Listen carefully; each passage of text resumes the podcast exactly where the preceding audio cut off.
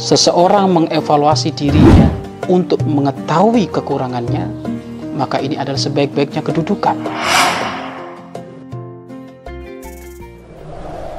Ayo gabung program wakaf tanah dan bangunan Al-Bahjah Buyut. Hanya 200 ribu per meter. Assalamualaikum warahmatullahi wabarakatuh Alhamdulillah Wassalatu wassalamu ala rasulillah Habibina wa syafi'ina wa kurrati a'yunina Wa maulana Muhammad Sallallahu alaihi wasallam Wa ala alihi wa ashabih Wa tabi'ina lahum bi ihsanin ila yaumiddin Amma ba'd. Sahabat-sahabat fillah Yang dimuliakan oleh Allah subhanahu wa ta'ala Tugas seorang yang ingin menuju Allah. Seorang murid Orang yang menuju Allah hendaknya ia terus berusaha memberi makan rohnya dengan zikir-zikir kepada Allah dan melakukan amalan-amalan yang mendekatkan diri kepada Allah Subhanahu wa taala. Sahabat-sahabat fillah, di dalam kita mendekatkan diri kepada Allah banyak istilah-istilah nama yang disematkan kepada orang yang rindu kepada Allah, yang ditempelkan kepada orang yang rindu kepada Allah.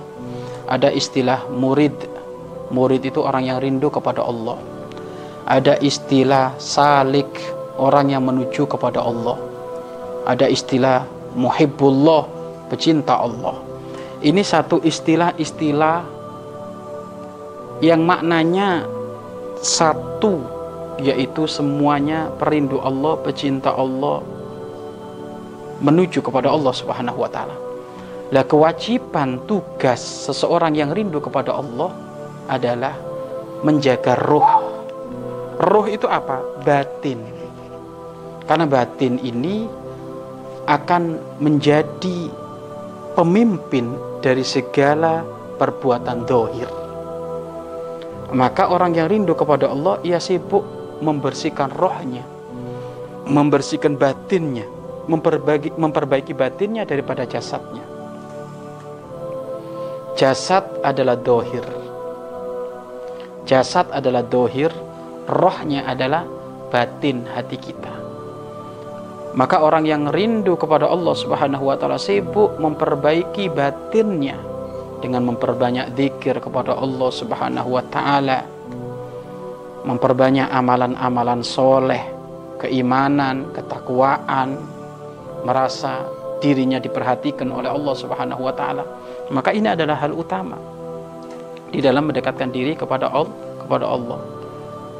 Tentu orang yang mendekatkan diri kepada Allah ini namanya mendekatkan diri. Di saat kita mendekatkan diri kepada Allah memang ada satu wilayah yang kita cari. Wilayah apa? Wilayah murad. Murad itu adalah orang yang dikehendaki oleh Allah untuk semakin dekat kepada Allah taala. Murid dengan murad beda. Murid ini orang yang mendekatkan diri kepada Allah, tapi kalau murad digandaki dekat oleh Allah. Artinya apa? Diterima kedekatannya oleh Allah. Nah, kita pun harus semuanya mengarah ke sana. Tentu dengan cara yang yang ada, cara yang biasa, ya kita melakukan sholat lima waktu. Itu jangan ditinggal. Orang yang rindu kepada Allah kalau meninggalkan sholat lima waktu ya ini perindu dusta itu pembohong itu bukan perindu itu sholat ditinggalkan Al-Quran tidak pernah dibaca haram doyan ini bukan perindu ingat nahnu muridillah kita ini perindu Allah orang yang menghendaki kepada Allah bukan muridun nafas bukan menghendaki hawa nafsu. Kalau menghendaki hawa nafsu ya perbuatannya adalah kejelekan. Inna nafsa la bisu. Sesungguhnya hawa nafsu mengajak kepada kejelekan. Tidak ada sedikit pun hawa nafsu mengajak kepada kebaikan, enggak ada. Semuanya kepada kejelekan kecuali hawa nafsu mutmainnah. Hawa nafsu yang sudah dikendalikan sehingga terkontrol menjadi hawa nafsu yang baik, maka ini akan menghantarkan diri kita menuju kepada pribadi yang mulia.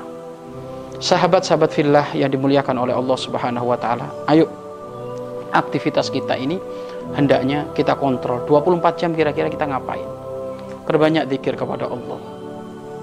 Salat lima waktu dengan berjamaah, bangun malam, membaca Al-Qur'an, memperbanyak zikir, istighfar, solawat, kalimat la ilaha illallah. Ini adalah hal-hal yang penting di dalam mendekatkan diri kepada Allah.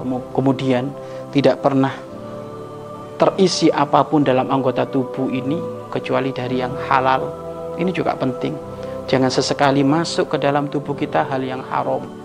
Karena satu suapan yang haram jika kita makan kemudian dipakai untuk beribadah kepada Allah maka tentu tidak akan diterima oleh Allah Subhanahu wa yang baik saja, yang halal, yang bagus belum tentu diterima jika salah niat. Lalu bagaimana jika ini adalah makanannya haram? Kalau sudah makanannya haram pasti niatnya adalah kotor. Gak ada orang makananku haram tapi aku tulus ibadah kepada Allah gak ada. Kalau makanannya haram berarti otomatis ibadahnya adalah haram. Tugas perindu Allah senantiasa memerangi hawa nafsu, senantiasa menambah kebaikan, terus menambah kebaikan, kebaikan, kebaikan. Bahwa bahkan tanda kebaikanmu diterima oleh Allah, engkau akan rindu melakukan kebaikan yang lain. Tanda kebaikan kita diterima oleh Allah Subhanahu wa taala menularkan kepada kita melakukan kebaikan yang lain. Makanya orang itu kalau perindu Allah, dia ahli dermawan, ahli infak. Hari ini infak, selesai infak masih rindu pengen infak lagi. Masih rindu pengen infak lagi, masih rindu pengen infak lagi. Lo tanda ini infaknya diterima oleh Allah.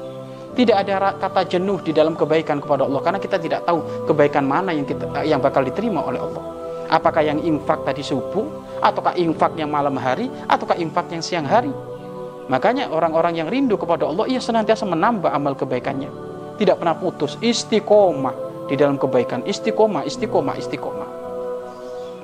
Tugas-tugas dari orang yang rindu kepada Allah hendaknya dilakukan dengan istiqomah.